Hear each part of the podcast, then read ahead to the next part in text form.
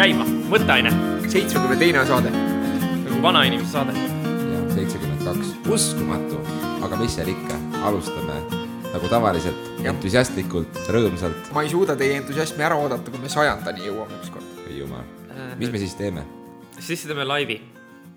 mm,? kas sellest tuleb alatu live? alatu laiv jah tuleb., just, nii. kõigepealt äh, kohe saate alguses väga, väga eriline väljahõige meie sõbrale Siim Kindale, Siim Kinnas, fotograaf. temaga me käisime sellel äh, pühapäeva ilusal õhtupoolikul äh, Tartus Toomemäel uut mõtteaine pildiseeriat valmistamas. ja tahtsime lihtsalt teda tervitada ja talle aitäh öelda siin saates ka, et ta nii lahkesti meiega koos on juba teist korda pildistamas ja kõik, kes te saadet kuulate, kui te vajate fotograafi teenuseid, siis äh, pöörduge Siimu poole. me lingime tema konto ka meie Facebooki lehele. eelkõige on Siim tuntud äh, selle poolest, et ta on Eestis üks juhtivaid kehapildistajaid. ehk siis äh, ta pildistab üles enamiku kulturismi ja sellega seonduvate teiste spordialade võistlustest ja tihti on nagu nendele võistlejatele fotosessioone teinud ja, ja aga ta teeb ka igasuguseid muid fotosid, nii et äh, kes äh, mina olen näinud väga palju tema koeranäituste fotosid. ja, ja ta on ka usin koerakasvataja ise, et äh, laia haardega fotograaf. väga vinge, tervitused Siimule ja äh, võid meile kunagi külla tulla fotograafiast rääkima näiteks, kui me suudame välja mõelda, mis nurga alt sellele pildile läheneda. jah, nii. nii äh,, kas äh, räägin teisest toredast asjast veel? räägi Räägi., räägi toredatest asjadest meile tuli kiri kui me, kui me hakkame rääkima koledatest asjadest. mm, -hmm. meile tuli kiri äh, täpselt nädal tagasi. kuna ma luba ei küsinud äh, selle avalikult ettelugemiseks, siis ma ei hakka selle inimese nime ütlema. aga väga armas ja ilus kiri ja väga pikk kiri. et äh, siin on äh,, ma võin nagu näiteks esimese lõigu ette lugeda, et, et äh, kiri algab siis niimoodi, et hei nüüd mul oli aega teid kuulata ja pidin kaks saadet järgi kuulama ja millegipärast tekitasid mõlemad äh, soovi vastata või olen lihtsalt lobamoklikus tujus. Anyway, mul on huvitav teada saada, et ma olen viie teie saadet kuulava inimese seas. see nüüd on siis viide sellele naljale, mida ma mõni saade tagasi tegin, et Jörgen, meid kuulavad ainult viis inimest, ära muretse, kas keegi pani tähele, et sa ütlesid midagi. Ja äh, jätkan selle kirjaga, et äh, ühest küljest tore, teisest küljest tekkis tunne, et ma ei tea, kas ma tahan nii ebapopulaarse asjaga olla seostatud. Fun fact minu jaoks, avastada, et mingi osake minust tunneb endiselt, et eneseväärtuse nägemiseks pean ma äh, olema part of the cool kids aga, mis me ei aga ole kunagi olnud, aga noh, seda on ju vaja. panin kõrva taha, et self-deprecating huumor võib tekitada ka huvitujast tõrkumist. See on esimene lõik, ma hetkel kohe edasi ei loe. see on äh, väga hea mõtteaine kohe meile siia algusesse. aga need on viis kõige lahedamat inimest tervel planeedil. ja just, see on väga eksklusiivne klubi. ma arvan, et äh, aga nüüd ma mõtlesingi, et siin kohas oleks äh, tegelikult hea ausalt välja öelda, mis meie statistika meile räägib meie kuulajate arvust. ja tegelikult on neid mitusada. et see on väga-väga tore ja väga meeldiv, et ümmarguselt võib-olla jääb see iga osa kohta keskmiselt kuskil kolmesaja kuni viiesaja vahele. Vähemalt nii tundub, et äh, kõigub ja meile väga meeldiks seda kuulajaskonda kasvatada. aga, aga praegu see on äh, niimoodi stabiilselt olnud ma. olen kindel, et nad on enamuses juba suured inimesed, neid ei ole vaja rohkem kasvatada. oi, Jörgen, mis sina arvad? ma eh,, mitu punkti, mitu punkti sa paned praegu? see, me peaksime nagu mingisuguse kalambuuri skaala välja mõtlema, just, et äh, et aga, aga me peame selle peale natukene mõtlema, et, et null on see, mis üldse ei kõiguta ja kümme on sihuke, et ajab meid kõiki naerma., kümme on liiga palju, ma ütlen ausalt, et kümme on liiga palju, sest et seal on astmeid on liiga palju, sest et et okei okay,, kui sa ütled, et kümme on täiuslik, siis sa võid, ütleme, sa suudad ette kujutada, milline on kümme ja suudad kümne nagu ära tuvastada ja siis sa võid öelda, et hea küll, üheksa on see, mis on mingisuguste väikeste vigadega ja siis selles mõttes on see, ja sa ütled, viis on keskmine, eks. aga kuidas sa tunned ära seitsme ja kaheksa selles skaalas, et äh, ma ütlen sulle, et perfektne skaala äh, asjade hindamiseks on, on viis astet. et siis on sul niimoodi, et sul on kolm on keskmine, viis on täiuslik, neli on nende vahepeal, üks on jamps ja kaks on siis jama ja keskmise vahel. ühest viieni, ära aja keeruliseks. et nulli isegi nagu ei ole? Jah. okei, okei, ühest viieni. tuleme tagasi kirja juurde. jah, ühesõnaga, see eelmine mõte, mis seal oli siis, et me tegime nalja selle üle, et meid kuulab vähe inimesi, et võib-olla natuke selgitada siis seda, et tegelikult me ei arva, et, et me oleme ilmtingimata väga väikene taskuhääling ja meid kuulavad mingid viis nii-öelda mõttetut inimest, vaid viis just väga erilist inimest ja tegelikult on neid inimesi rohkem ja me, seda me teame. okei okay,, teine lõik mulle väga, väga, väga, väga meeldis, et Jörgen tõi huumorist rääkides välja äh, privileegi asja ja selle, et priviligeeritud olukorras oleva naljategija arusaam sellest, kuidas tema nali mõjutab olukorras kannatajaid või olukorraga kaastundjaid, ei pruugi olla, kuidas nüüd öeldagi, kõikide osapoolte heaolu arvesse võttev. alles hiljuti rääkisin sama juttu oma sõbrale, kes tegi geinalju, olles tegelikult supertolerantne, aga nalja tagajärgi mittemõistev. ja ta rääkis solidaarsusest Louis CK teemal, kus ma ka korralikult võtsin selle asja ette ja seletasin ära, millele täpselt, millele ta täpselt oma allkirja paneb, kui ta avaldab seda solidaarsust siis Louis CK-le. huvitav ära märkida, et mina oma sõbraga, tehes oma saadet, rääkisin ka just mõni nädal tagasi teemal huumor, tore sünkroonsus. nüüd sa ju, sa ju sa kogemata ei avaldanud juba inimese identiteeti. ei, mitte tingimata, mina ei tea siiamaani nagu, kes, ma isegi ma tean selle inimese nime siin kirja all ja mina ei tea, kes see on. no aga nüüd on see võimalik kokku viia, eks, eks on okei okay,, lõikame välja selle koha.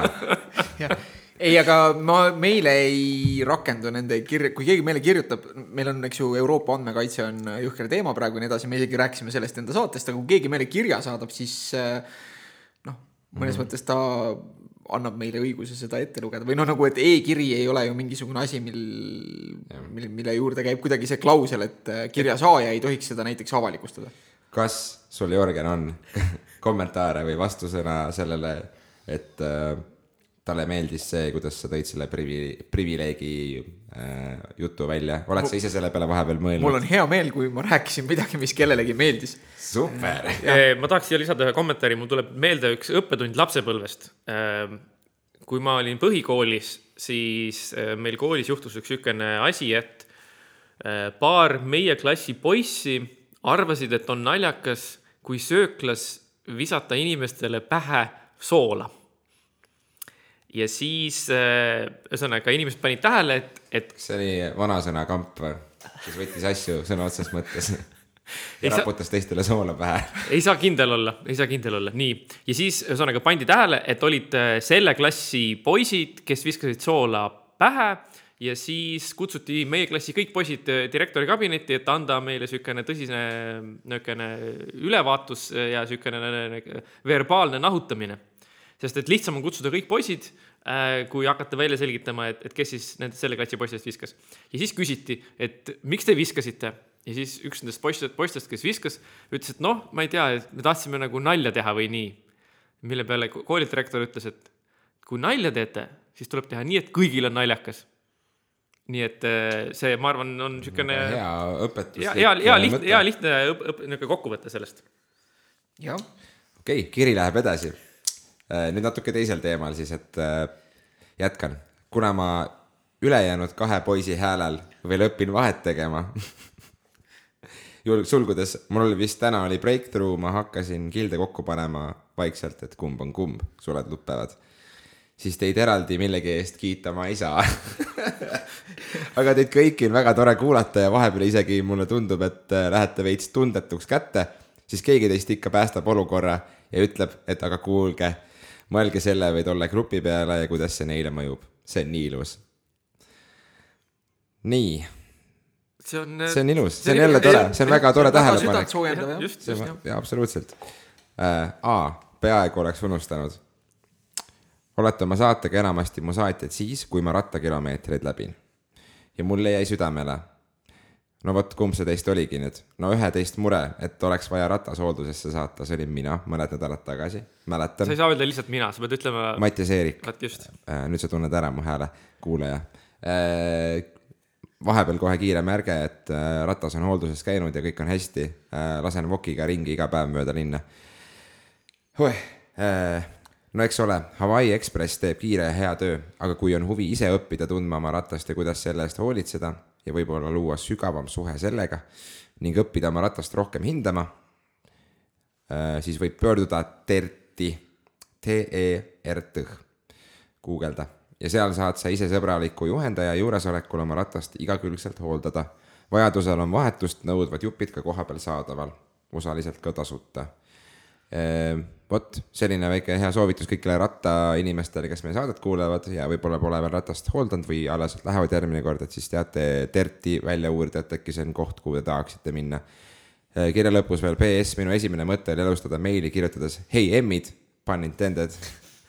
aga siis ma hakkasin kartma, et äkki on see inappropriate ja te solvute ja me ei oleks solvunud. Me ei oleks solvunud. järgmine kord alusta, palun.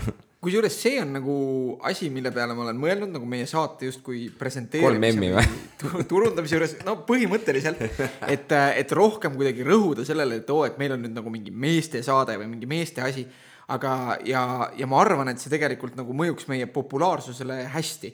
Või et, et selliselt nagu justkui mingit seda platvormi võttes me saaksime nagu populaarsust, aga see oleks minu meelest nagu odav populaarsus, mis ei läheks kokku nagu minu nagu põhimõtetega sellest, mida ma mehelikkusest ja meheks olemisest üldiselt arvan, sest meie saate, ütleme, algusaegadest ei läinud pea ühtegi saadet mööda, kui me Mattiasega ei oleks nagu veidi ilkunud nagu mingisuguste suvaliste jorsside üle, kes justkui võtavad nagu selle platvormi, et nad on nüüd mehed ja kõnelevad nagu kogu meessoo eest.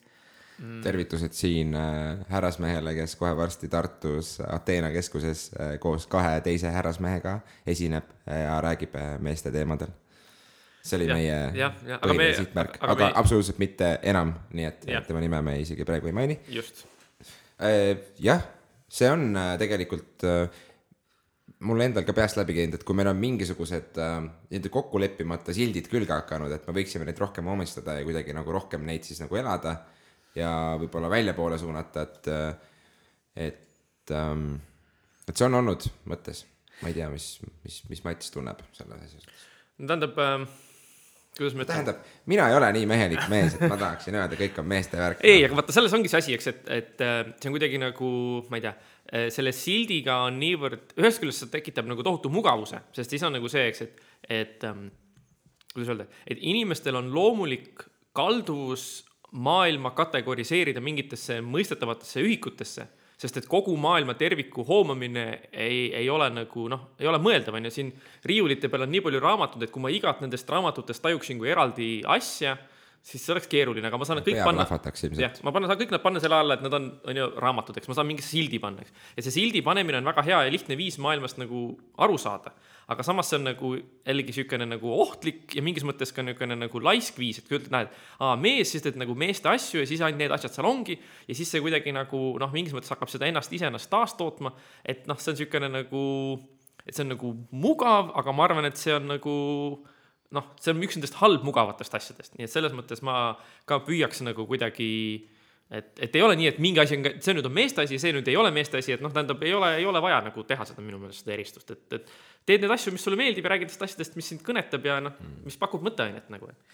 küll aga mul oli täna millegipärast, ma ei mäleta, kas ma jalutasin mingi punktist A punkti B ja mõte kuidagi eksles nagu saate teemadele või justkui metatasandile siis ma mõtlesin küll seda, et vot, et et nagu ma näeksin küll seda, et või, või see oli sihuke armas kuidagi selline poolkujutluspilt, et kuidas meie saatest siis jooksvalt äh, aastakümnetega saab nagu sihuke three nagu grumpy old men, et ühel hetkel me jõuame nagu sinna rolli, et siis me võtame selle platvormi, et me oleme nagu mingid kolm vana peeru, kes lihtsalt nagu vigisevad selle üle, kuidas noorus on hukas ja. jaa, aga selleks, selleks ei pea mees olema, et seda siia kurta Ei, seda küll, jah.. et selles küll, mõttes, et nagu jah, jah, aga inimestel noh, aga justkui, et see identiteet, et siis me oleme nagu kolm vanameest, siukest Mhm. kolm nagu sellist pässi et, et see nagu oleks võib-olla omamoodi isegi nagu lahe, et no siis Nojah. kuidagi nagu seda, seda platvormi võtta, siis me oleme nagu võib-olla mõnevõrra dementsemad ka, kui me praegu oleme mm -hmm. ja, ja siis see nagu, et enesekriitika on nagu väiksem. just, siis see aga nagu, aga samas, kuna me oleme selleks ajaks nagu seda podcast'i teinud juba nagu aastakümneid, et siis on meil on nii-öelda piisav pikk ajalugu, et meile antakse andeks, kui me teeme midagi noh, tolle aja standardite järgi või siis tuleviku aja standardite järgi ebakohatust, sest meil on nagu, meil on nii pikk ajalugu juba, et meile, meile antakse andeks, eks. see on lootus. jah, ja siis sellel podcast'il saab ka olema nagu see väärtus, et inimesed kuulavad seda nagu for the lulz lihtsalt. jah, et mis need Peerud seal mölisevad. jälle see nädal ütleb midagi ebasobilikku oh,, ohohoo. jah, täpselt, aga samas on savi, sest me kõik teame, et me sureme varsti ära no absoluutselt. Aga mingi mitte- hetk mingi hetk need moraalid peavad aknast välja lendama. aga mitte, mitte nagu praegu varsti, vaid siis varsti. jah, siis varsti. praegu me oleme veel väga, väga tublid poisid kõik. nii, no vot Vot,, metatasandil podcast'i jutust ja aitäh kirja eest. suur aitäh kirja eest, jah, väga südantsoojendav kiri oli. oli. oli väga, väga selline mõnus, lähedane ja isiklik ja ootame hea meelega veel äh, põnevaid ja toredaid armsaid kirju kõigilt kuulajatelt, kes soovivad meile oma mõtteid avaldada ja äh, jah, liigume siis edasi, liigume nädala juurde, et eh, kas me räägime vahepeal, mis toimunud ka on ja peale meie põneva pildistamise, millest me juba rääkisime. mina käisin näiteks äh, Tallinnas äh, vaatamas sellist bändi nagu Iron Maiden. ma sellest äh, soojendusbändist ei hakkagi rääkima, see ei ole kuulajale võib-olla nii põnev, aga ma võin öelda lihtsalt, et ma käisin jah, ma nägin ära sellise bändi nagu Iron Maiden, mis on siis mitukümmend aastat vana bänd juba, eks ole. ilmselt kõik meist on neid kunagi kuidagi kuulnud või näinud kuskil telekakanalis kõva nelikümmend aastat vist juba. juba üle, üle päris, päris pikalt jah, just, et äh, mis siis, mis siis oli, oli see, et äh, nägin, nägin sellist vanade peerude bändi äh, väga suurel laval ja iga laul oli nagu justkui erineval laval, et neil oli selline suurepärane oskus äh, seda lava väga kiiresti ja suurepäraselt äh, ümber tõsta sekunditega, et kui esimene lugu algas, siis äh, tulid suured ekraanid alla, kus olid siis peal sihuke esimese maailmasõja aegne siukene lenn-, lenda, lennukid ja siis mingisugune tulistamine, värk seal. ja siis järsku käis lava peal mingi hull pauk ja siis umbes nagu rahva kohal lendas päriselt suur lennuki makett, mis oli nagu uskumatu. ja siis seal hõljus seal bändi kohal ringi ja siis vokalistil oli see lenduri müts pea ja siis ta laulis seal ja siis umbes kui esimene lugu ära lõppes, siis teine looaeg, teisel hooaeg oli, olid juba mingisugused need äh, lume, need mingid sõjariided seljas ja juba oli nagu mäed ja ja siis pärast nad olid kirikus ja siis olid leegiheitjad ja see oli nagu täiesti enneolematult vinge show ja tegelikult nende lood on pikad, need on viis kuni kümme minutit keskmiselt, eks ole, ja ja need ägedad sellised soolod, mis kõik kõlas, bänd mängis väga hästi ja vaatamist oli seal palju, et, et tõesti väga teatraalne ja mul on väga väga hea meel, et isegi kui ma seda bändi muidu ei kuula, et siis ma, mina läksin isiklikult seda soojendusbändi sinna eelkõige vaatama. ja nägin ära selle show ja mul on tõesti hea meel, väga lahe oli nagu. mul on äh, naljak või noh, mitte nüüd naljakas naljaks, aga selline äh, minu esimene kokkupuude Iron Maideniga äh, oli ammu enne seda, kui ma kuulsin ühtegi Iron Maideni lugu, sest äh,. T-särk. ei mm, -mm, äh, see, ma arvan, et see oligi umbes aasta võib-olla kuskil seal kaheksakümmend üheksa või, või midagi sellist, kui äh, selle. siis, kui mina sündisin sellel aastal. jah, sellel ajal, kui äh, noh, nii-öelda see poistekamp, kellega me kolamas käisime, seal ühe kuti nagu vanem vend äh, oli sihuke siis noh, selline hevikas nagu tollel ajal oli nagu äge olla. Ja siis äh, tema majas siis nagu selle venna tuba oli nagu Iron Maideni mingeid postreid täis, mis ta oli kuskilt saanud. noh, võis ka olla üheksakümmend üks või midagi sihukest, et kuskil nagu see aeg. ja, ja siis nagu, et esiteks oli see, et äh, et ma kindlasti tollel ajal nägin Edist õudusunenägusid, sest ma ei teadnud üldse, mis, mis värk sellega on või noh, ma kujutasin ette, et see on mingi bänd või nagu niiviisi, aga et see oli nagu hästi õudne tegelane minu meelest, keda ma sealt postrite pealt nägin. ja teiseks ma sain alles nagu aastaid hiljem teada, et see on tegelane, kelle nimi on Edi, vaid ma arvasin, et ta on nagu justkui naissoost ja et tema ongi Iron Maiden. vot. aga ta ei, ta ei olnud, ta ei ole ju eriti raudse välimusega. ei, ei tal on ole rohkem jah, nagu sihuke muumia ta on siuke muumia jah, aga ma mõtlesin, et noh, et see on justkui nagu mingi selle vaimu või, või mis iganes tegelaseks ma teda tollel ajal pidasin. aga, aga, aga jällegi see on äh, hea näide jälle sellest, kuidas äh, mingisugune bänd on võtnud siukse mingise imidži endale, mingisuguse maskoti ja see suurepäraselt igast T-särgist ja bändi albumi kaanepildist ja ja lava peal oli ka, et kõik taustapildid ja mis asjad, mis olid sellega seotud, olid selle Edi temaatikaga seotud ja see Edi käis lava peal ära ja ja seal oli mõõga, kusjuures, kes ei teadnud, siis äh, Iron Maideni äh, solist Bruce Dickinson on siis äh, on nii-öelda mees, kellel on väga mitu ala ja muuseas ta on ka tegelenud kunagi professionaalselt äh, siis äh, heitlemisega, heitlemisega, ei, mis ma tahan öelda, mõõklemisega, vehklemisega. vehklemisega. persse raisk, heitlemisega jah, täitsa aju, kell on üksteist, andke andeks. ära nüüd heitu, see oli väike viga. just täpselt, et äh, vehklemisega ja ta on olnud ka nii-öelda ka, kaalunud siis nagu treeneri ametit sellel teemal, et sellel alal ja siis äh, see mõõgavõitlus oli ka lava peal ja, ja, ja ja tal on muide ka väike fun fact, et tal on äh, muidugi palju lapsi ja kaks tema poega, siis mõlemad on ka äh, lauljad bändides äh, Inglismaal. ma mõtlesin, Nad teevad metal-bände, üks, üks, üks poeg on metalcore bändis ja teine on hardcore bändis. nii et äh, pojad panevad rohkem koori. nagu mina, nojah, jah, nojah. vot, jah, aga väga et lahe oli. eh, sealt, et sihuke imagoloogia võib jätta noortesse jälje, sest ma just nägin uudist, et eh, Eesti koolilapsed kardavad tapja kloune. kas äh, nagu see Clown Boss, Insane Clown Bossi stiilis tapja kloune? rohkem võib-olla iti stiilis äkki.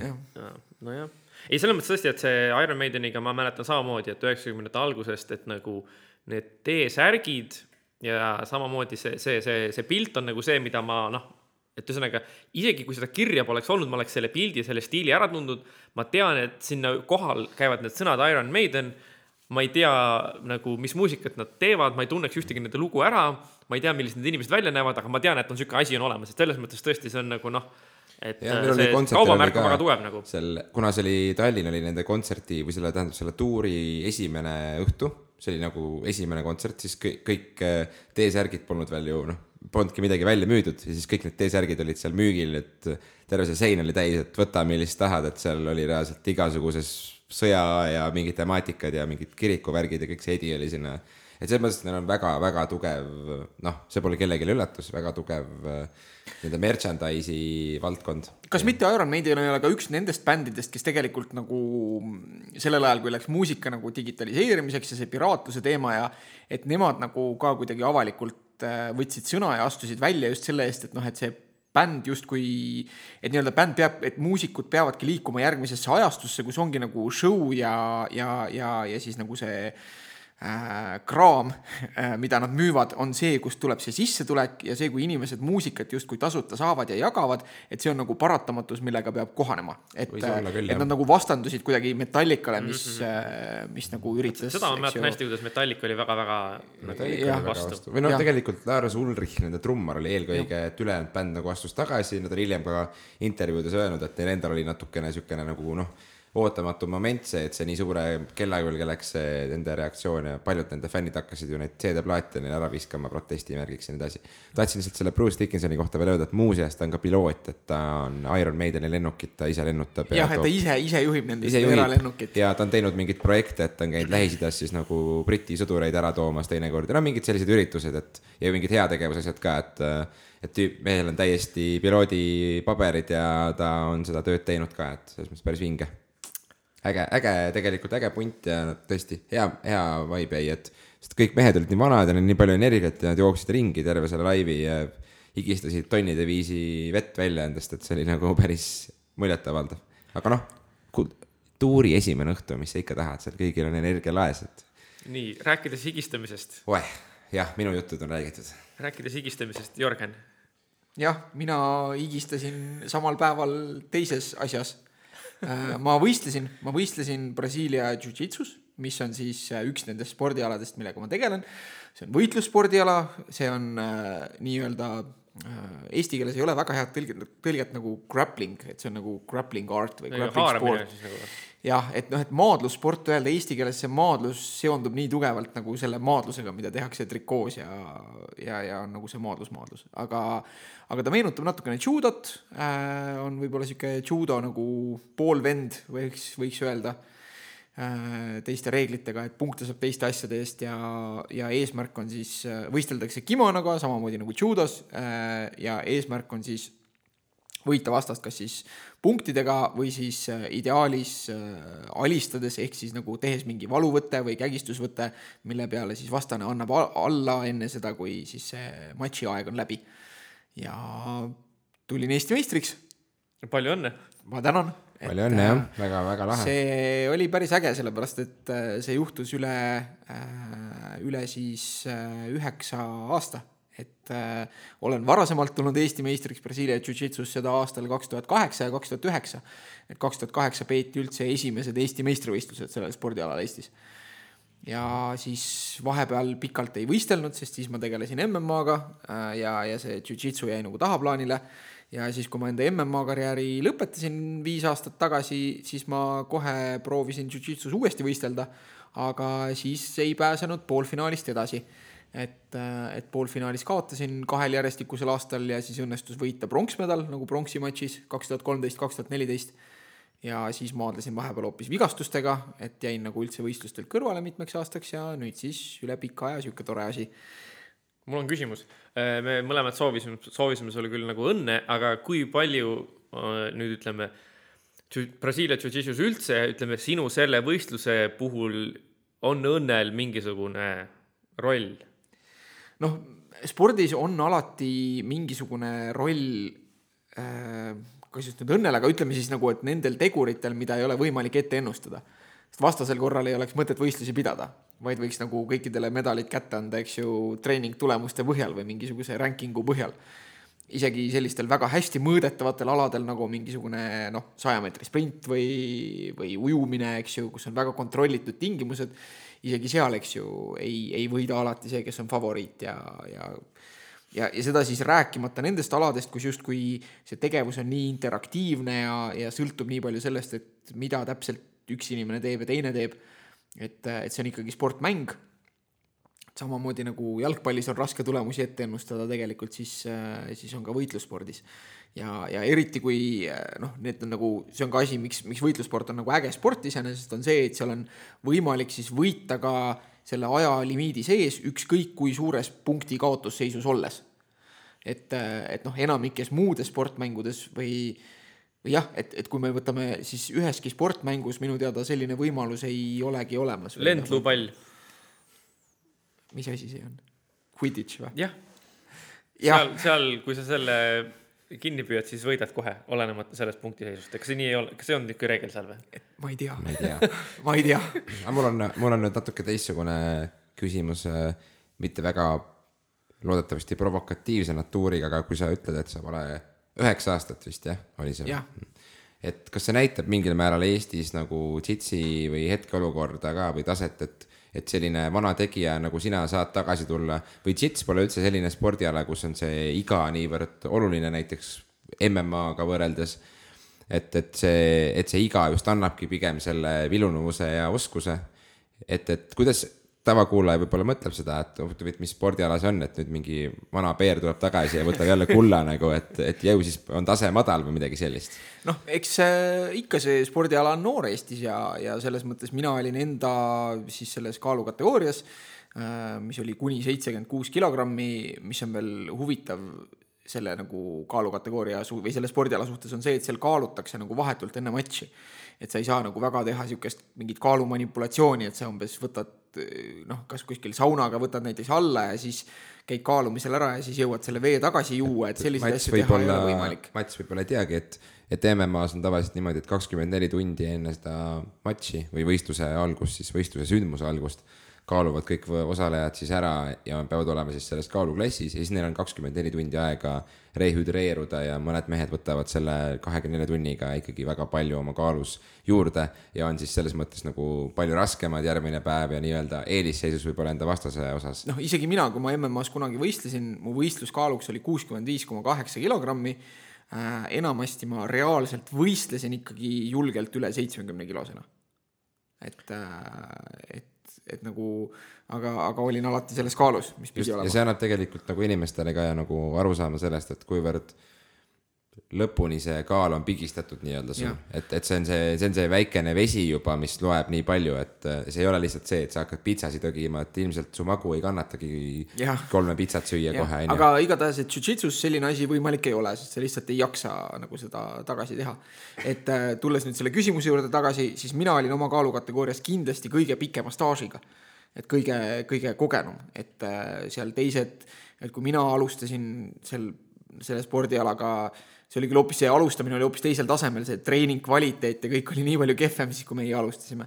et äh, alustasin aastal kaks tuhat kolm tõsisemalt, siis äh, ehk siis see on nagu viisteist aastat on staaži äh,, noh, pausid, vigastused, asjad vahele, aga et teistel seal minu kaalukategoorias noh, viis-kuus aastat staaži, mõnedel võib-olla isegi, meid oli seal kokku vist seitse et mõnedel kolm aastat, noh, niiviisi, aga, aga eks see ongi nagu võitlussport on selline, et sa saad nagu, hästi palju sõltub stiilist, et nagu nii-öelda milliseid võtteid üks otsustab kasutada, kuidas need nii-öelda sobituvad selle teise inimese võtete vastu mm. -hmm. et, äh, et see on nagu sihuke põnev, põnev taktikaline mäng ja ma ise kindlasti füüsiliselt ei olnud väga heas vormis, ma päris ära ikka väsisin mõlemas matšis Äh, vastased olid rasked ka, et ma sain loosiga otse poolfinaali ja pidasingi siis poolfinaali ja finaali.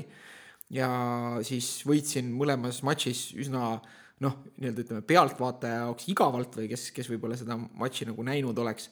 et äh, võtsin oma punktid ära ja, ja siis mängisin turvaliselt, hoidsin seda punkti edu ja siis sai aeg täis, et äh, ma ei teinud nagu kummalegi vastasele alistust aga mm. et mängisin nagu selle tugevuse peale, mis mul on, et just nagu kimonoga jujitsus, mis on nagu sihuke hea stabiilne kontroll ja ja, ja vastase domineerimine ja, ja, ja sellega võitsin. ei, ei tahtnud võtta nagu asjatuid riske, et, et mitte kaotada. vot. Äh, rääkides sellest kaalumisest ja sellest kaalu õigeks ajaks, õigeks ajaks õige kaalu saamiseks ja ulust higistamisest, et mul tuleb meelde, et ma vaatasin äh, eelmisel aastal ühte sihukest vahvat Soome filmi nagu Kõige õnnelikum päev Olli Mäkki elus, mis räägib siis äh, ühest poksijast. Soome poksijast Olli Mäkkist, kes tuhat üheksasada kuuskümmend kaks äh, pidas siis äh, sulgkaalus, sai äh, nagu võimaluse maailmameistritiitlile ja siis see film nagu on siis vahetult enne selle, seda matši ja siis vahetult selle, pärast seda matši. et seal on ka see, see higistamine, see õigesse kaalu saamine on nagu väga suur äh,, väga suur teema. sihuke film tuli mul meelde, aga seoses kaalumisega, et ähm, et ma ei tea, kas sa pidasid siis mingisugust, äh, pidid kaloreid ka lugema tohutult äh, nädal aega enne, et, et ikka ole, oleks nagu täpselt õige? ma enne seda, kui selle toitumise nagu selle valmistumise teema juurde minna, tahaks välja hõigata selle, et äh, meil tegelikult järgmine nädal algavad ka Brasiilia Jiu-Jitsu algkursused, et äh, sinu tee Eesti meistriks võib alata järgmisel nädalal. noh, enamik inimesi trennis ei võistle see on nagu normaalne, me tegeleme nagu harrastusspordiga selles suhtes ja, ja, ja võistlejaid või võistlevaid inimesi on trennis võib-olla noh, maksimaalselt kolmandik, et selles suhtes need trennid on ikkagi nende jaoks, kellel ei ole eesmärki võistelda ja olgugi, et võistlemine või mõni võib-olla lihtsalt proovib, käib mingil oma taseme võistlusel ja, ja proovib ära ja saab teada enda kohta midagi ja rohkem ei võistle, et teeb seda ikkagi harrastusspordina edasi. aga kes tahab õppida sellist äh, noh, midagi, ma ütleks, huvitavamat või adrenaliinirohkemat, kui on nagu tennis või sulgpall või midagi muud sellist ja, ja samas siis nagu palju sellist, kus on võimalik mingit äh, oskust arendada võrreldes siis mingisuguse jooksmise või rattasõidu või kangi tõstmisega, et et kes tahab õppida nagu mingit põnevat sportmängu, aga samas ikkagi ka võitlussporti või sellist äh, mm, noh, see annab ka mingeid enesekaitseoskuseid ja nii edasi, et sihuke mitmekesine värk, et siis äh, tulge võimlasse, vaadake www.voimla.ee töötab ka www.võimla.ee äh, ja, ja, ja, ja tulge trenni, et on äge. meil on äh, suvi läbi kestev algkursus, mis äh, algabki juuni alguses, järgmine nädal ja, ja kestab siis augusti lõpuni ja suvine soodushind, et terve kursuse kolm kuud trenni saab üheksakümne üheksa euroga, nii et. super tegelikult, kui hakkad mõtlema sellele, et see raha on igati väikene summa. jah, ja kui keegi trennis. mõtleb, et, et tahab suvel maal käia või midagi, siis ei ole üldse hullu, sellepärast et äh, nädalavahetustel trenne ei ole ja, ja samas, kui ka jääb vahepealt kuskilt puhkuse tõttu mingisugune nädal-kaks vahele, siis selle materjali saab järgi õppida ja et proovime kõige sellega arvestada. väga vinge. kui, äh, kui sa hakkad üldse täna nüüd rääkima meil sellest toitumise ja kehakaalu saavutamise teemast, kas sa oled kunagi mõelnud äh, Eestis siis nii-öelda MMA veteranina äh, kunagi võib-olla terve see Eesti MMA lugu äh, raamatusse kirja panna. lihtsalt selline huvitav küsimus, et kui sa räägid, et sa juba aastal kaks tuhat kolm hakkasid jitsuga tegelema, et võib-olla kahekümne aasta pärast sa tunneksid, et sa tahaksid seda Eesti MMA lugu võib-olla ülejäänud maailmaga jagada. miks mitte, et võib-olla tõesti nüüd on see seeme on istutatud. nüüd on see, et kõik. varjuautor, ma just tahtsin öelda, et kõik need varjuautorid seal, kes meid kuulavad mm. -hmm. et äh, siis äh, võtke minuga ühendust ja hakkame raamatut kirjutama. et äh, kirjutamise mõtteid on olnud küll äh,. ma ei tea, kas ma just tahaks niisugust Eesti MMA nagu kronoloogiat kirjutada, pigem ma võib-olla tahaks kirjutada mingitest üldistest endaga seotud asjadest, kuhu paratamatult seonduks siis ka need toredad äh, MMA algusaastatega seonduvad asjad ja, ja sellest on väga vahvasti, me oleme kirjutanud ühes blogis, mis on siiamaani netis täitsa avalik, mis on mmapenguins.blogspot.com. selline läbi üsna kõvera huumoriprisma kirjutatud äh, meie sihukestest trenni tegemistest. aga tulles siis nüüd selle söömise juurde et äh, jah äh,, ma kaalusin rohkem kui, kuna ka- ja kaalumine on võistlusvarustuses, siis reaalselt ma pidin kaaluma umbes seitsekümmend neli ja pool kilogrammi sellel hetkel, kui äh, siis matši minna. ja, ja, ja kuskil mõned nädalad enne ma kaalusin ise umbes seitsekümmend seitse, seitsekümmend kaheksa ja siis ma tõepoolest natukene sõin vähem maiustusi. Äh, kurat, see ei ole niimoodi, et kui mina kaalun praegu kaheksakümmend kolm ja kaheksakümmend neli, siis mõtlen, tahaks ka seitsekümmend viis kaaluda jälle. Et siis nagu selle ettevõtmine vist natukene raskem kui. pead olema motiveeritud. Äh, sellega seoses ma tegelikult ma sellest enda nii-öelda kaaluvõtmisest nii pikalt ei tahakski üldse rääkida, see ei olnud midagi nagu müstilist, ma kõige lihtsam oleks öelda see, et ma jätsin ära näksimise ja ma jätsin ära äh, keskmiselt ühe eine päevas. et äh, ma lihtsalt sõin ühe eine päevas vähem ja ei näksinud. jah, ja ei näksinud, ei ja teinud. kõigile kuulajatele teadmiseks, siis äh, täna õhtul äh, enne saate algust äh, Mats viskas lauale saiakeste paki, millest ei, me kõik, need kolmekesi on, need on piknikupirukad. okei okay,, pirik, pirukate paki, millest me kõik eh, sõime mõnuga ja iga väike pirukas on keskmiselt, me arvutasime välja huvi pärast seitsekümmend viis kilokalorit. palju õnne meile kõigile ja Jörgen sõi suure isuga seda. jah, ma sõin ikka, ma arvan, mingi kolm tükki, neli võib-olla.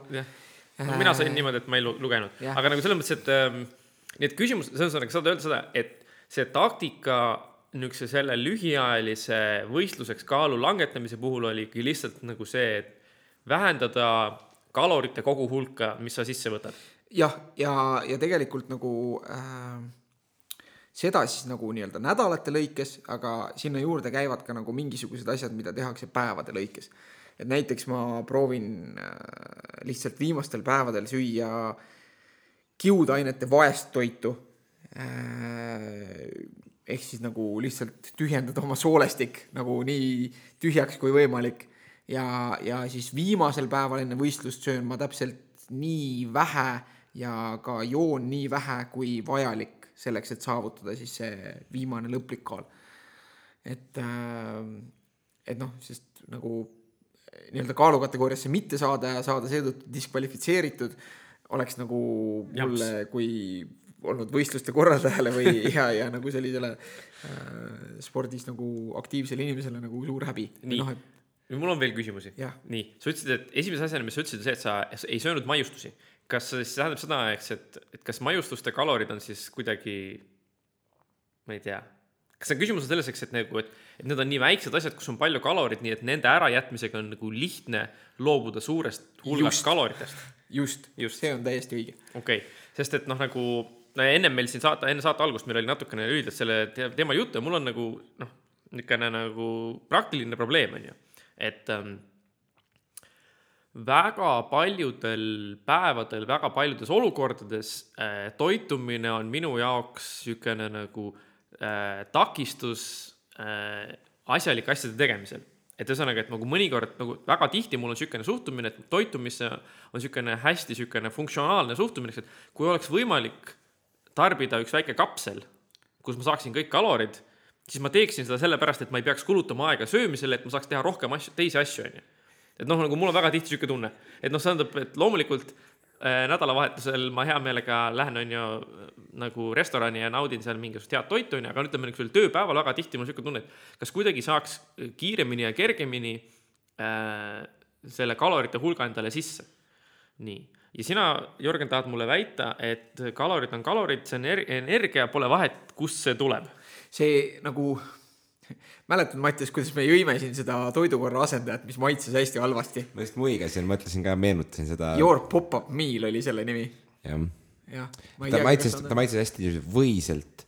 ta oli niisugune võine maitse, oli niisugune tugev võine maitse, koorene niisugune maitse. Võib-olla sulle sobiks see. see No on jaa, täpselt aga- sulle aga disainitud kui- toode kui, nagu. kui, kui suur see topsik oli? see oli mingi neljasaja milliliitrine. ei, see on juba liiga suur, ma tahan midagi, mis oleks nagu, ma tahan nagu Star trackist või noh, aga tähendab. see on, see on vedel, sa sõna lihtsalt otseses nagu jood mõttes saad selle kolmekümne sekiga ära juua, kui sa jõuad nagu, et nagu see. no see maitseb või järele ei no mina ise olen näiteks, kui mul on olnud kiire äh, mingitel perioodidel, siis ma olen kasutanud seda, et äh, vastavalt sellele, mille järgi mul on isu, ma olen kas joonud pisikese paki vahukoort või neljasaja milliliitrisse paki kohvikoort.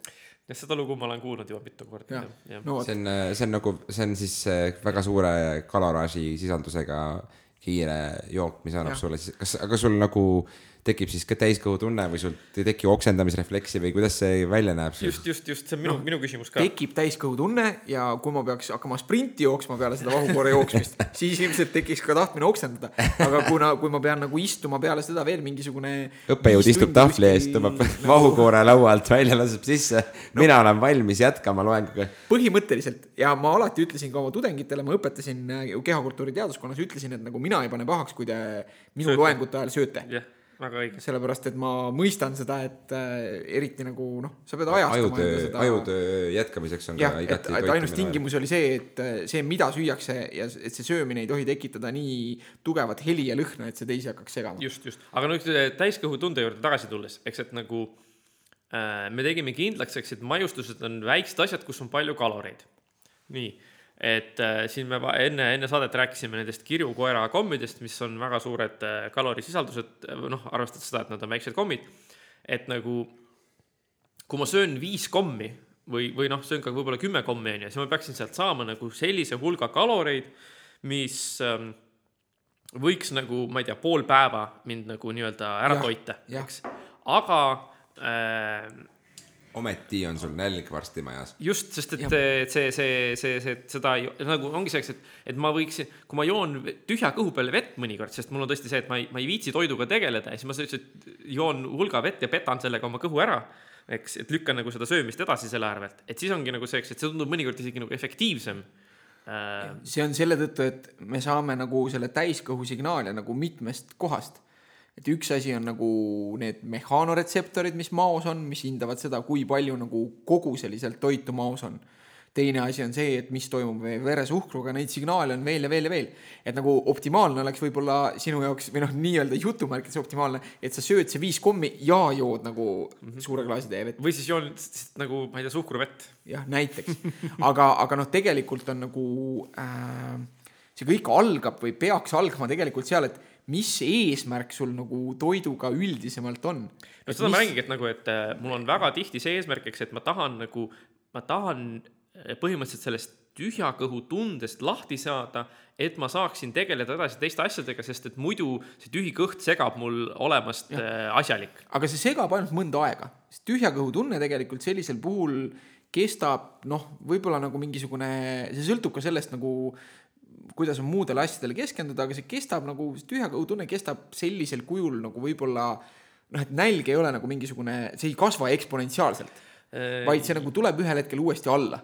jah, jah, selles mõttes seda ma olen ka kogenud jah, et näiteks ähm, ma ütleks äh, töö tegemisel ilmselt on üksikud momendid, aga ma väga hästi mäletan nii ajateenistuses kui ka mäletan ka mitmeid juhte, kui ma olen mõnel, mõnel päeval väga palju arvutimänge mänginud, kus on nagu see, eks, et sa, sa mingil hetkel hiljem avastad, et oi jeerum, ma ei ole nii pikalt midagi tegelikult söönud, sest ma nagu mu mõte on kogu aeg olnud nagu selle teise tegevuse küljes ja mul ei ole aega olnud tähele panna, et mul on vahe kõht vahepeal tühjaks läinud. just, et see ei ole nagu noh, kui nälg kasvaks eksponentsiaalselt, siis siis oleks meie eellased nälga surnud. eks ju, sul on vaja nagu seda, et kui sa kohe toitu kätte ei saa, siis sul on vaja nagu noh, võtta ennast kokku, liikuda kuskile teise kohta jahile ja nii edasi, eks ju, ja, ja kui sa pead sellel samal ajal kogu aeg nagu see näljatunne kasvab eksponentsiaalselt, siis sa nagu kukud poole tee peal kuskil kokku ja ei, ei saagi süüa. et, et see noh, nii-öelda see sinu käitumine, et mul on hetkel liiga vähe infot, et anda sulle head nõu ja, ja ma ma julgeks välja pakkuda, et ka sa ise ei ole seda asja veel piisavalt hästi enda jaoks läbi mõelnud. et, ma tahan, ma tahan imelahendust, seda ma tahan. ja aga imelahendust, mille jaoks, et noh, et kui see ainus funktsioon on see, et äh, kui ainus funktsioon on see, et sa tahad lihtsalt täiskõhutunnet, noh, siis mõnes mõttes võib jah öelda, et nagu võta seda, mis on lihtsalt kõige käepärasem, nagu võta kaasa äh, näiteks suhteliselt hea lahendus, mida me oleme ise kasutanud ka, on see, et sa võtad ühe enda jaoks sobiva maitsega nagu kohupiimatoru, mis on kolmesaja grammine, sa hammustad selle otsa katki ja lihtsalt pigistad selle endale kurku. nii, ja see võtab umbes nagu kümme sekundit aega, see ühe kohupiimatoru söömine. nii, viskad selle toru prügikasti, asi korras, eks ju, noh, vahel võib-olla nagu võib ju, see ütleme, seal on see risk, et see plahvatab viisil, mis lödistab su riided täis. et, et see nõuab nagu teatavat harjutamist ja okay., ja pead nagu õppima ära, et milliste, milliste nagu torudega on see plahvatamise risk suurem. aga vaata, see, see nõuab omakorda muidugi siis seda, eks, et ma, ma pean seda toidupoest kas ette ostma ja siis tööle kaasa võtma või töö juurest minema toidupoodi äh, ikka, ikka eeldusel, et ikka ostad kaasa ja jah, et sa ostad endale mingi kümme tükki külmkappi Ja, ja, ja. siis võtad igal hommikul sealt ühe kaasa. ja ei, see mul oleks liht-, säilib mul oleks lihtsam osta ju kümme tükki töö juurde külmkappi. No, siis ma peaks enam. ainult kümme meetrit minema. just, siin seal stick'id node'id on peal, et jah. Matsi oma ei puutu. just, minu torud. mina Ja, nende mina, torudega, ainult mina võin neid endale kurku lasta. suht turvaline on ka see, et tõenäoliselt keegi teine neid ei võta. jah, siis kõik vaatavad, et mats on imelik mis, mis värk sellega kuradi torud. jah, sest keegi teine, kõik teised, keegi ei taha neid niiviisi süüa, kõik eeldavad, et selle jaoks on vaja mingit, noh, keegi ei viitsi hakata mingit kausikest pesema ja nii edasi ja, ja lusikat ja seda. kuigi meil on pesu, nõudepesumasin.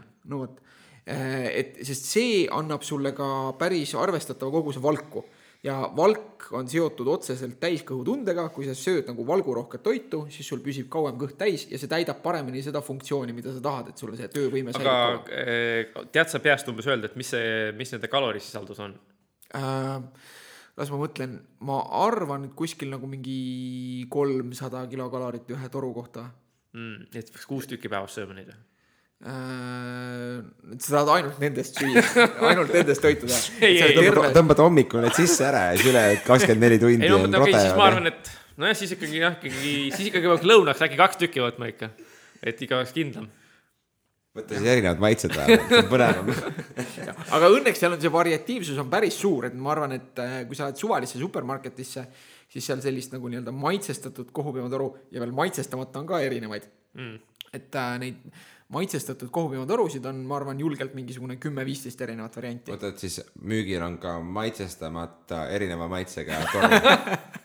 et vanillimaitsega, banaanimaitsega maitsestamata toru. ei, ma ei ole tegelikult lihtsalt uurinud. Äh, sest ma ise, ma ise, see on, ütleme, see nii-öelda minu nagu mugavustoit on see, et ma kodus, mul on külmkapis mingi hunnik neid maitsestamata torusid. ma võtan selle maitsestamata toru ja ma maitsestan seda ise vastavalt sellele, mille järgi mul isu on.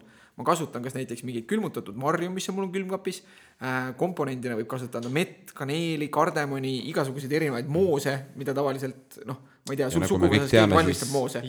no vot. kaneel nagu... on väga hea sinu seedimisele ka ja siis, kõhude. siis nagu see on rakendus kõikidele nendele moosidele mm. -hmm mis, mis muidu ei kipu eriti rakendust saama, ühtlasi kuigi teil on näiteks, kui teil kipub kodus olema nagu mooside ülejääki, siis mulle võib alati tuua moose, ma söön väga palju moosi. aga väga hea, ma jätan selle meelde. Jah, just- mulle võib ka. just selle, just selle tõttu, et ma söön neid selle kohupiimaga mm. Mhm, -hmm. ja, ja siis, ja, siis, igasugused seened, igast, igast konservid ja kõik asjad võib tuua, võib tuua.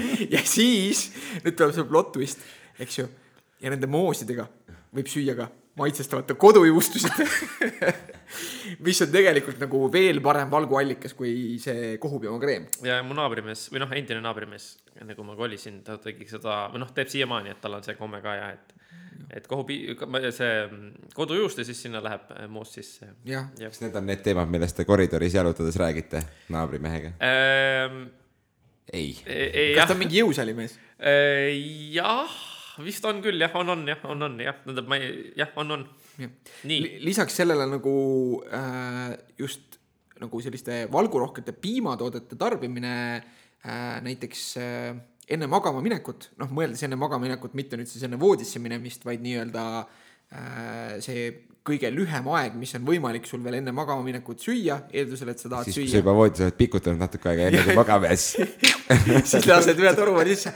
et äh, kui sinu huvi on nagu selline hea taastumine näiteks füüsilisest pingutusest või, või sa tahad lihaseid kasvatada, siis see on väga optimaalne, tarbida õhtul veel nagu sellist piima. oot, oot, oot, oot, oot, oot, oot. kas sa ütled praegu mulle seda, et kui ma tahan lihaseid kasvatada, et siis ma pean viskama voodisse pikali? ei, mida mina ütlesin, seda ütles Mattias, mida mina ütlesin, oli tegelikult ikkagi see, et see noh, see võib olla näiteks tund aega enne magama minekut, et see sinu viimane eine, see päeva viimane eine, eeldusel, et sa õhtul üldse midagi sööd, noh, ma võin, eks ju selle näitena jällegi, et kui mina üritasin võistlusteks äh, kaalu reguleerida, siis see eine, mille ma üldiselt päevas ära jätsin, oli vastavalt mugavusele kas hommiku või õhtusöök. ei, aga tähendab, kuhu ma jõuda tahtsin, on nagu see, eks, et, et, et kui ma nüüd, noh, meil on, lindistame hilja õhtul nagu ikka, onju. noh, poed on kinni, aga Circle K-sse lähen, võtan sealt selle kohvipima toru. Circle K-s minu teada ei ole neid kohvipimatorusid. no leian mõne teise koha, kus on, lükkan selle endale sisse, siis olen veel tund aega arvutis ja siis lähen magama ja siis hommikuks on lihased suuremad. Äh, see sõltub, nüüd me jõuame tagasi mõnes mõttes algusesse, et kas kilokalorid on nagu kõik võrdsed või, et nagu tegelikult. mis su eesmärk on, kurat, küll sa tahad süüa sa tahad lihaseid on- üks kasvatada? asi on eesmärgid, aga nagu mis iganes su nagu see eesmärk on eh, toitumise suhtes või, või kuulajatest, kellele, et noh, kas sa tahad kaalu tõsta või kaalu langetada, kas sa tahad eh, keha kompositsiooni muuta kuidagi, saada rasvaprotsenti madalamaks, saada lihaste osakaalu suuremaks. noh, mis need kõige põhilisemad asjad on, siis kõige, kõige, kõige olulisem üldmõjutaja sellele on üldkaloraaž ja, ja selle suhe siis sellesse nagu, kui palju sa energiat päevas kulutad. nagu see on see kõige-kõige olulisem asi. kõik muud asjad tulevad pärast seda. okei okay,, aga siis ähm, kuidas siis on, et milline peab olema minu tarbitud kalorite hulk äh, versus see t- nagu siis sisse söödud kalorite hulk, kui ma tahan lihasmassi kasvatada. Äh, suurem nagu selles mõttes sisse aga, aga, aga kui ma tahan rasvaprotsenti kahandada, äh, seda samal ajal teha on suhteliselt raske okay., nagu see on raskendatud ma saan aru, äh,. küll on see võimalik jõutreeningu abil nendele, kes alles alustavad jõutreeninguga mm. -hmm. eks ju, aga siis on ikka pigem sedapidi, et see sisse söödud kilokalorite hulk peaks olema tarbitust suurem Mhm, või noh, et sisse, tähendab kulu, kulutatus suurem, et, et nagu tarbitud kilokalorite hulk ta või noh, ütleme tarbitud energia hulk peaks ületama siis kulutatud energia hulka selleks, et oleks võimalik nagu et oleks kasvatada. nii-öelda nagu energia ülek, et sellest saaks kasvatada lihast., jah, just. vahva. noh, kuigi nagu teatud mõttes ka väikese energiadefitsiidi tingimustes algajad saavad äh, võib-olla natukene kasvatada lihast, sest siis äh, eeldusel, et nad annavad niisugust õiget, aga mitte liiga suurt stimulatsiooni, mis, mis siis kasvataks lihaseid mm. -hmm. et seal tuleks jah paika panna see, et okei okay,, et see, sa juba rääkisid sellest, et see, et see päeva keskel nagu töövõime on tähtis äh,. ja aja kokkuhoid. aja kokkuhoid on tähtis äh,. ma arvan, et see kohupiimatorude variant võib täitsa hästi toimida. kuigi äh, ma käisin töö tervishoiuarsti juures ja siis äh, mul oli üks verenäitaja oli punases ja see oli valge, nagu punases nii-öelda nagu ohtlikus kategoorias ja see oli valge vereliblede hulk.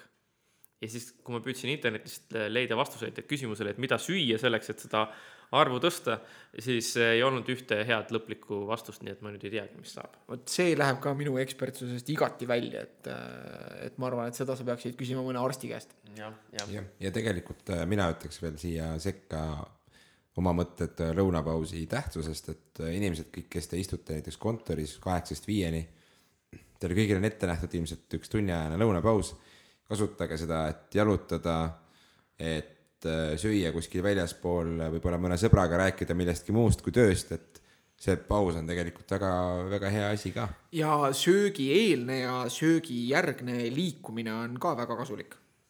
et, et Vaat ja, siis. näiteks jalutamine kuskile kohta, kus sa sööd ja, ja siis äh, seejärel sealt tagasi jalutamine on, on tegelikult kasulik. aga mida meiega teeme, me ei ole ju doktorandid nagu meie. mina ka enam ei ole. jah, tõsi tagasi ähm,, tagasi. me pole ka bakalaureuse tudengid.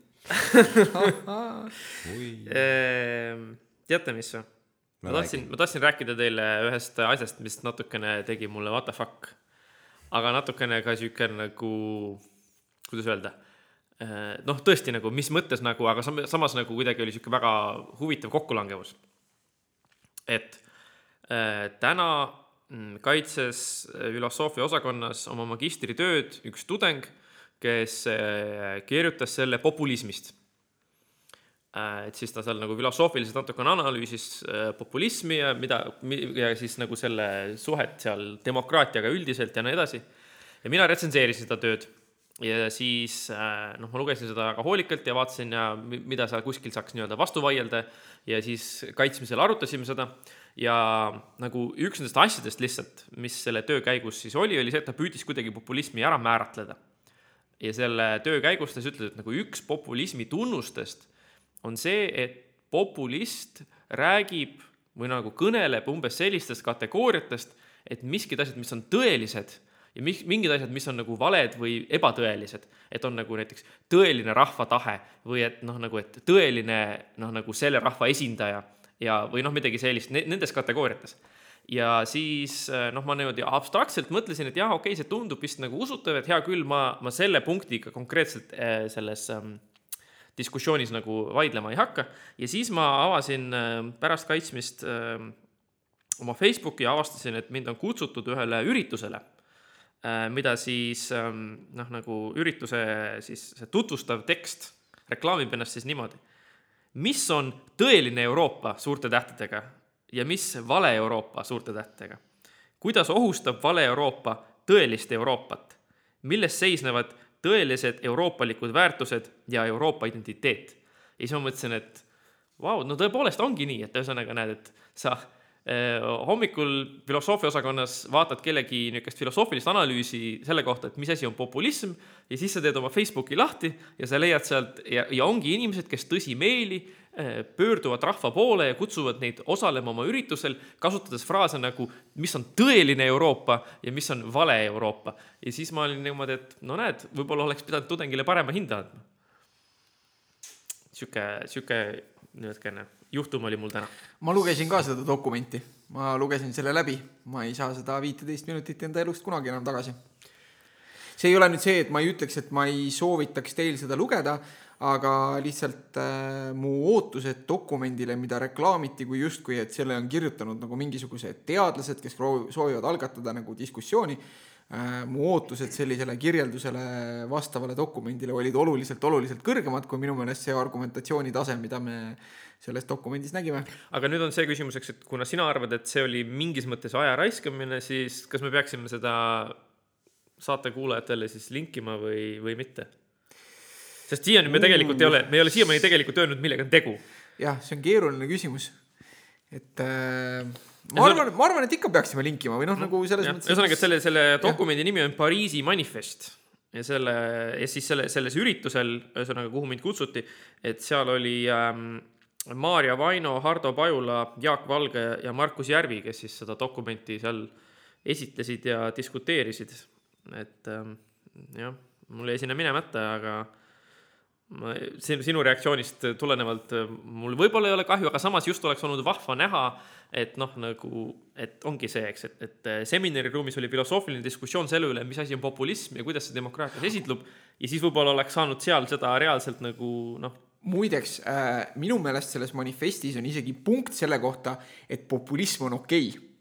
mm.. ja et, äh, et, et nagu justkui siis nii-öelda need õige Euroopa jõud peaksidki kasutama no, populismi, populismi saavutamaks oma eesmärke. nojah, see on, see on jah, nagu niisugune levinud niisugune, ütleme niimoodi, see on kauaaegse traditsiooniga diskussioon äh, poliitikafilosoofias või poliitika tegemises üldiselt, kus on nagu see, eks, et et kui sa oled olukorras, kus sinul on tõelised, õilsad ja õiged eesmärgid ja sihid, aga sind ümbritsevad ainult lurjused, kes kasutavad ebaausaid võtteid, et kas siis sul on nagu nagu piisav õigustus ise ka kasutada ebaausaid võtteid, sest muidu sinu õilsad ideed jäävad ellu viimata. nii et äh, selles mõttes nemad on siis, paistavad olevat valinud selle tee, et näed, et, et kuna meie eesmärgid on siis need tõelised Euroopa eesmärgid ja populism on miski, mis töötab, siis on õigus, siis meil on nagu õigustatud nagu seda populismi äh, ellu rakendama, noh, tähendab, ma praegu siin muidugi spekuleerin, ma ei ole dokumenti ise lugenud. ma tahaks teha siit täiesti saja kaheksakümne kraadise pöörde. teate, mis on minu nädala WTF? mis nüüd nagu materialiseerus. et sada kaheksakümmend kraadi tähendab, et sa pöörad ennast ümber, mitte ainult äh... ei noh, et ma pööran sellest. eesmärk oligi selg keerata sellele teemale. jah, täpselt, täpselt, et äh, olete te nagu hiljuti möödunud äh, Tartus Edeni keskusest? mm,? ei. jah, ma elan seal kõrval. no vot, et äh, Edeni keskusele tehakse juba mõnda aega juurdeehitust.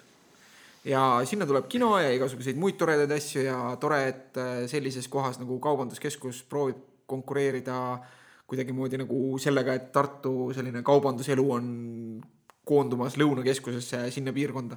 aga nagu erinevalt kesklinna piirkonnast, kus natukene nähakse arhitektuuriga vaeva, siis Edeni keskusest, mis on seni olnud lihtsalt suur plekist kuut, saab nüüd lihtsalt veel suurem plekist kuut. Et kui justkui oli püsti nagu selle ehituse või juurdeehitise nagu karkass, siis äh, või noh, need postid ja asjad seal, siis mul oli sellele nagu kõrgemad ootused, et ma lootsin, et nagu selle välisfassaadiga nagu tehakse midagi. aga see on täpselt samasugune nagu eelne, see nii-öelda vana Edeni keskus, sihuke valge plekiga üle löödud akendevaene pind. mul on küsimus. WTF, linnaarhitektuur kas nad eh, tegid juurdeehituse selliselt, et seda jõuluvana enam sinna katusele panna ei saa või nad selle jõuluvana augu jätsid sinna alles äh,? see nagu nii-öelda olemasolevale osale saab seda jõuluvana endiselt mm -hmm. kinnitada. et. nüüd on ainult boonuseks see, et nüüd on seal viis jõuluvana iga nurga peal. ja, või ei saa välistada mm. -hmm. aga noh, see on see välistada. üks konkreetne Edeni keskuse jõuluvana, kes äh, seal katusel on. jah, justkui piilub sealt üle ääre. just, just, just, et see on klassika. see on klassika, jah ja et aga, aga mul on nagu kurb mõnes mõttes see, et see on tegelikult ju sihuke noh, et seda piirkonda võiks ka ju arhitektuurselt teha kuidagi põnevamaks ja see on samas sihuke koht, et üle Sõpruse silla sõidab nii palju autosid äh,. paljud inimesed, kes võib-olla tulevadki linna või lähevad linnast, sõidavad sealt mööda ja siis nagu mõnes mõttes sellise see võiks olla natukene apetiitsem, et ma tahan peal, sinna minna. täpselt, tervitab neid lihtsalt mingi sihuke valge plekist karp. aga võib-olla see on mõeldud, et see moodustab siis nende üle tee olevate paneelmajadega mingisuguse. aga ta ei moodusta või noh, sest ta nagu. ta on valge, ta peaks olema kollane. jah, ja nendel on vähemalt aknad. jah, okei okay,. et, äh, et sihuke no.. aga siis algatame, tähendab siis sellest ähm, Tartu linna kaasava eelarvesse esitatud projekti, palun värvige kollaseks ja tehke, maalige võltsaknad peale. ma muidugi ei tea seda, kas äh, äkki. viimistlus on lõppenud. jah, et võib-olla neil on näiteks plaan katta kogu see sein mingisuguse ägeda graffitiga, mis, mis, mis võiks nagu vägagi päästa seda asja. aga ma kahtlen. olgu nii. ma kahtlen, ma kahtlen ka.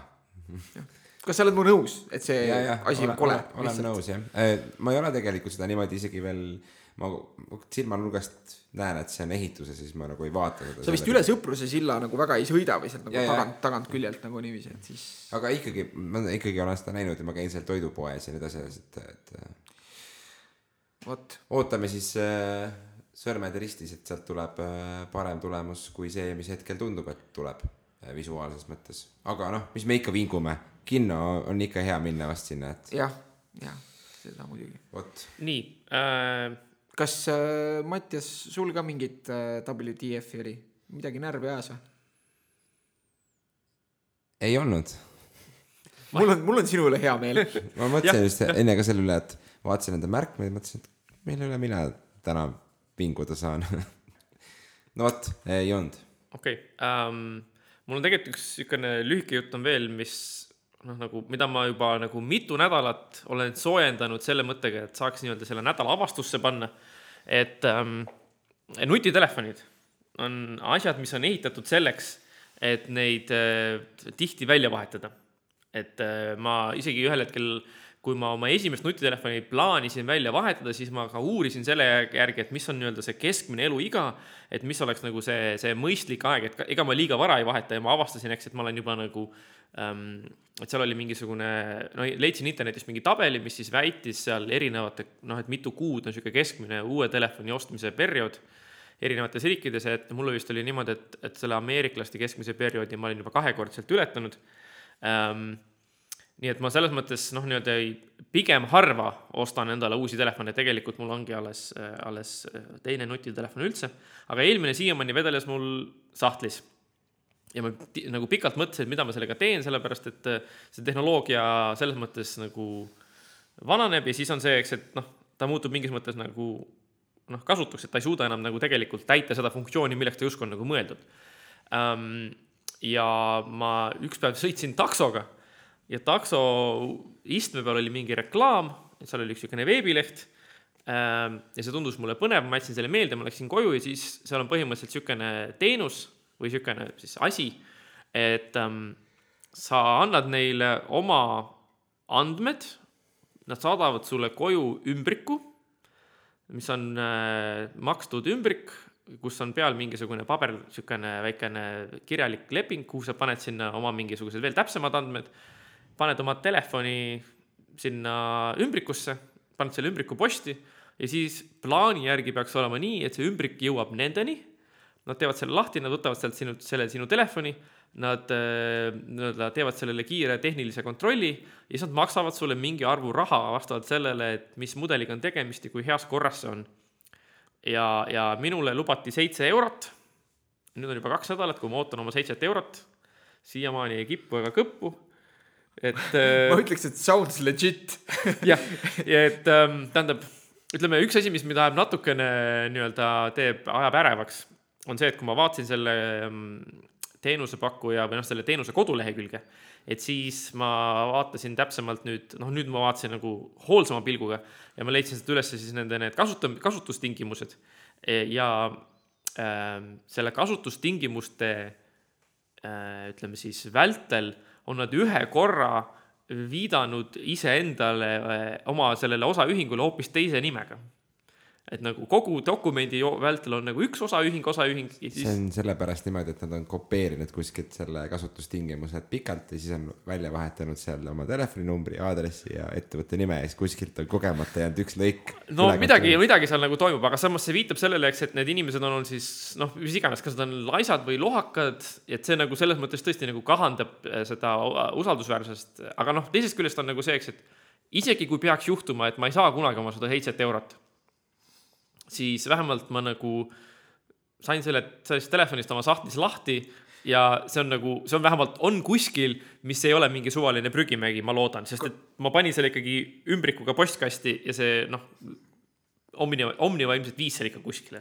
kuidas sa selle telefoni tühjendasid, mis su andmetest sai äh,? sellele telefonile ma olin teinud eelnevalt juba äh, siis selle tehase algtaastu-, taastamise Äh, sellepärast, et äh, mitu aastat tagasi mul oli, ma osalesin ühel niisugusel hoovi äh, kuhu me siis oma abikaasaga viisime kõik, mis me leidsime oma sahtlitest ja kappidest, mis meile tundusid, et kellelegi võiks olla kasulik. ja siis ma püüdsin seal seda telefoni maha müüa, ma peaaegu leidsin isegi ostjad, aga kaup jäi katki nii et ma olin nagu selles mõttes selle, selle äraandmiseks juba ette valmistunud, et okay. andmetest ja igasugustest äppidest ja värkidest oli see äh, tühjaks tehtud. nojah, WTF, ütleks no. selle peale. nojah, aga vaata, kui, kui, kui lõpuks see raha tuleb, siis ma, siis ma saan öelda, et Oi, selle. see tuleb vinge saade. jah, sest ma saan öelda, et näete, et minge sinna aadressile ja saatke oma vanad telefonid neile. ja siis äh, loomulikult me ootame, et äh, sa tollel saate tegemise ajal teeks rikkalikult välja selle seitsme euro eest. mõtle, kui palju neid piknikupirukaid saab neid, seitsme euro eest. seal neid piknikupirukaid saaks kilo. jah, no vot ja nüüd äh, arvutame välja, mitu kilokalorit see oleks aga minul tuli tegelikult meelde väga tõsine WTF seoses äh, nutitelefonidega, et ma rääkisin ühe enda tuttavaga lihtsalt ja kuidagi jutt läks selle peale, et äh, noh, mis on nagu ammu teada, et Ühendriikides näiteks põhjustab autoroolis tekstimine või noh, nagu siis sõnumite kirjutamine juba oluliselt rohkem raskeid liiklusõnnetusi kui alkoholijoobes juhtimine mm. -hmm. ja, ja, ja siis meil tuli sellest juttu ja siis mu see tuttav justkui ene-, iseenesestmõistetavalt ütles nagu seda ka, et umbes, et nojah, et ma saan sellest aru, aga samas ikka mul ka tuleb seda ikka ette, et vahel ikka nagu võtan seal roolis selle telefoni ja, ja nagu niiviisi. Ja siis mõtlesin, et noh, et mul endal on küll nagu see reegel, et, et nagu noh, et kui auto nagu liigub ja ma olen roolis, siis ma mitte mingil juhul nagu telefoni ei käsitle. Et noh, kui just ei ole nagu ütleme, on olnud erandeid neid, kui ma pean panema nagu Äh, selle helistama kellelegi, mille siis nagu hands-free võtab üle, et ma saan selle kõne nagu telefoni, et, et mul on vaja nagu kuidagi see telefon saada helistama. aga ka kõnede vastuvõtmiseks on ka okei okay,, et ühesõnaga et.... kõnede vastuvõtmiseks ma vajutan hand, nagu selle auto hands-free peal. aa, okei okay,, sul on autoga ühendatud nagu, okei okay,, selge, siis. eks ju äh, ja, ja noh, see on nagu asi, mida ma saan teha ilma nagu telefonisse vaatamata vastu võtta, isegi ja. nagu nii, nii-öelda, et kui, kui vastu võtta aga tema nagu justkui iseenesestmõistetavalt ütles seda, et noh, et vahel on ikka nagu mingid kirjad kirjutada ja nagu niiviisi ja mul oli nagu see, et vau, vau, vau, et nagu, et, et noh, et kas see ei ole just see, millest me praegu rääkisime, et nagu see on asi, mida kindlasti ei peaks keegi tegema.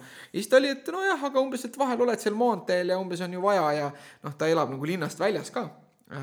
et, et sõidab nagu maanteed mööda päris tihti ja siis mul oli nagu sihuke tõesti sihuke üldine nagu WTF, et, et, et mis nagu toimub, et see, et kas, kas te oleks näiteks kakskümmend aastat tagasi ette kujutanud seda, et keegi räägib normaalselt sellest, et ta nagu juhib autot ja samal ajal loeb raamatut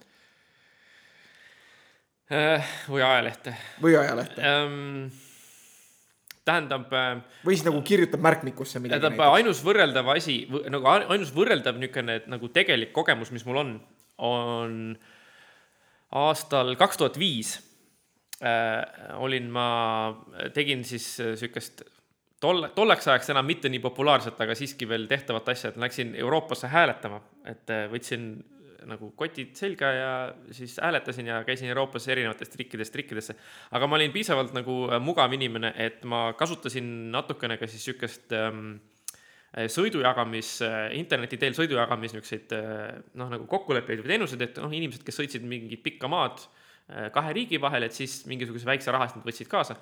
ja siis seal oli üks, ähm, üks härrasmees, kellega ma, kellega ma sõitsin, ma arvan, ma sõitsin Saksamaalt Hollandisse temaga ja siis ta oli kuidagi niimoodi, et aa, vaata kui vahva, et, et te siis te tulite, noh, me olime kolmese kambaga, et tavaliselt mul on nagu siin, ta näitas siis kõrvalistuja istme peale, et tavaliselt mul on läpakas siin lahti, et ma vaatan filme.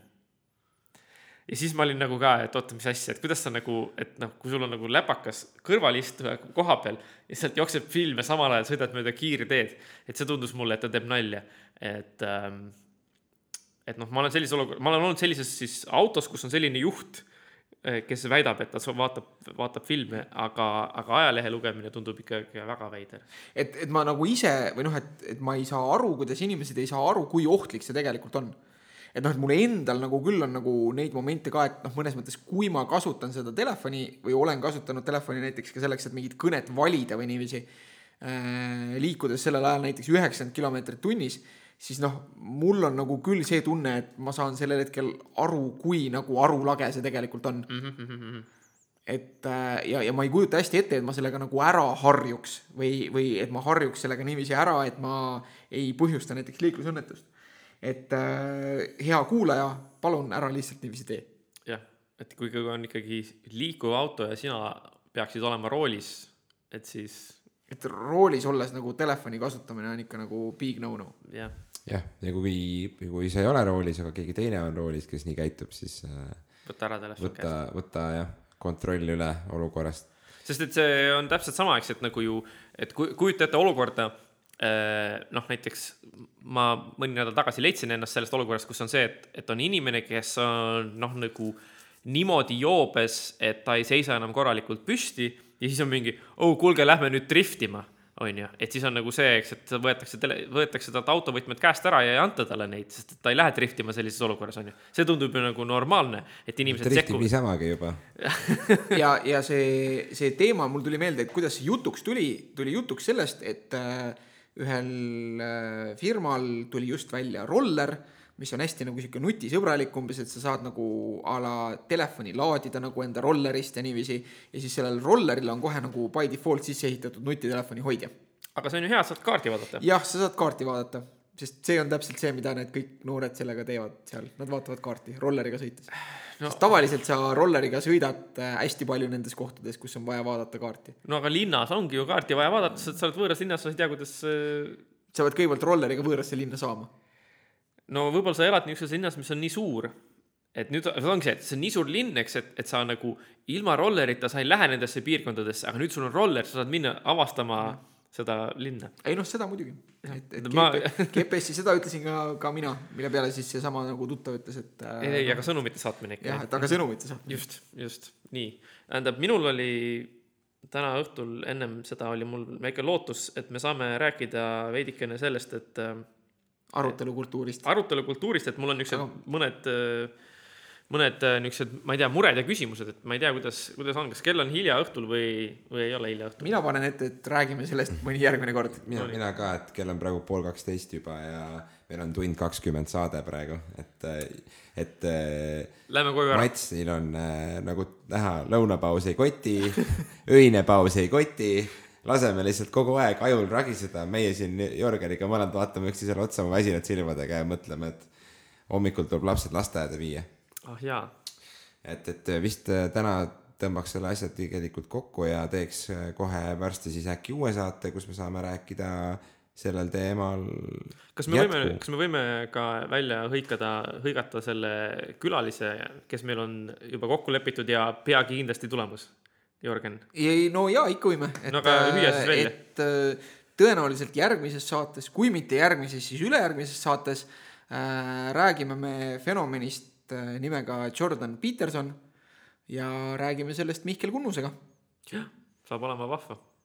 jah, et äh, võib-olla võime ka temaga arutelukultuurist rääkida. just, sest et ma nüüd teen viimase niisuguse väikse vahelepõike, et sellesama magistritöö kaitsmise ajal, mis oli sellest populismist, et seal ka publikus tõstatati see küsimus just selle populismi nagu mõõduka populismi lubatuse kohta ja seal ka mainiti Petersoni nime ja öeldi, et siis, et Jordan Peterson on nagu siis teinud sellise väite, et, et eh, tema on toonud mitmeid inimesi äh, nii-öelda sellest eriti äärmuse, paremäärmuslasest nagu tagasi keskele. et nagu, et ta nagu nii-öelda on õigustanud oma tegevusi sellega, et talle saadetakse kirju selle kohta, et näe, enne ma olin totaalne paremäärmuslane ja troll ja halb inimene, aga näe, sina tõid mind niisugusesse mõistlikusse nagu keskpoolele tagasi.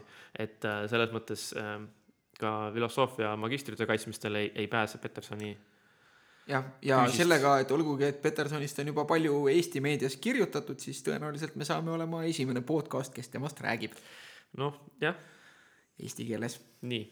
vot, aga seda siis järgmisel korral või ülejärgmisel, nukid.